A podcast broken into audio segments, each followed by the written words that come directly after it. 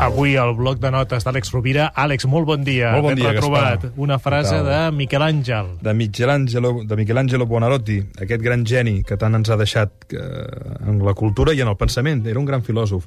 Hi ha un aforisme preciós, molt breu, que diu el següent. El perill màxim no és pas fixar-nos un objectiu massa elevat i no arribar a assolir-lo, sinó posar el llistó massa baix i superar-lo com si res. I penso que, que, és una, que és una provocació molt interessant, no?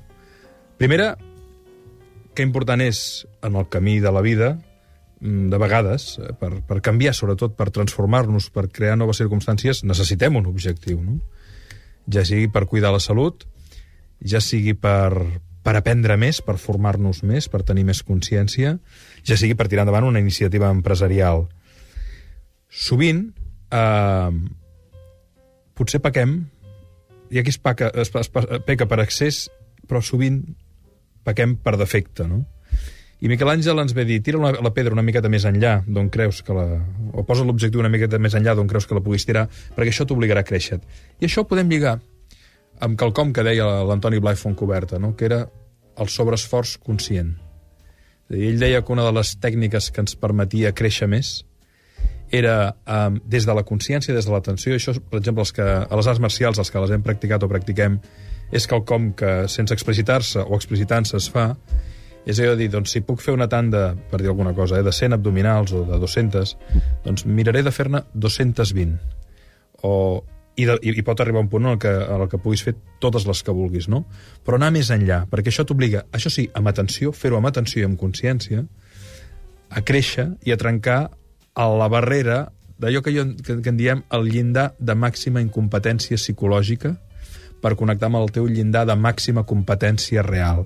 Els llindars de màxima incompetència psicològica són les falses creences que tenim sobre nosaltres mateixos.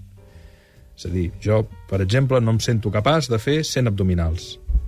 Molt bé, hauries d'acabar la frase dient de moment, de moment. Comença per fer-ne dos.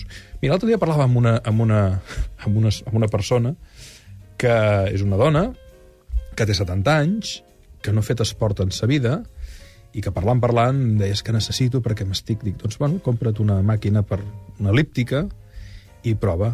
No, no ho sé, no ho sé. Li van regalar.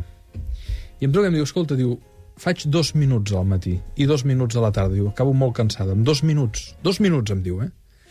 Han passat dos mesos i l'altre dia em trobo en aquesta senyora i em diu, estic fent mitja hora al matí Caram. mitja hora al vespre. Increïble. I diu, i el meu cos, diu, els primers dies feia dos minuts, després, diu, és que em cansava molt, rebufava, diu, però ara em poso davant de la tele, diu, vaig com flotant amb l'elíptica, vaig caminant, i diu, i ara m'he posat l'objectiu, doncs, d'en pocs mesos, i que ja no sigui mitja hora, sinó m'agradaria fer una hora i una hora. Diu, jo crec que en dos o tres mesos, diu, ja d'aquí no passaré. Déu-n'hi-do. Però què vull dir-te? Eh, aquesta persona no havia fet esport mai de la seva vida. Però, com diu en Miquel Àngel, es va posar un objectiu prou elevat com per eh, superar-se a si mateixa i estic segur que si ho féssim amb moltes coses de la vida ens sorprendríem d'on podem arribar. Moltíssimes gràcies, Gràcies, Àlex Rovira. una abraçada.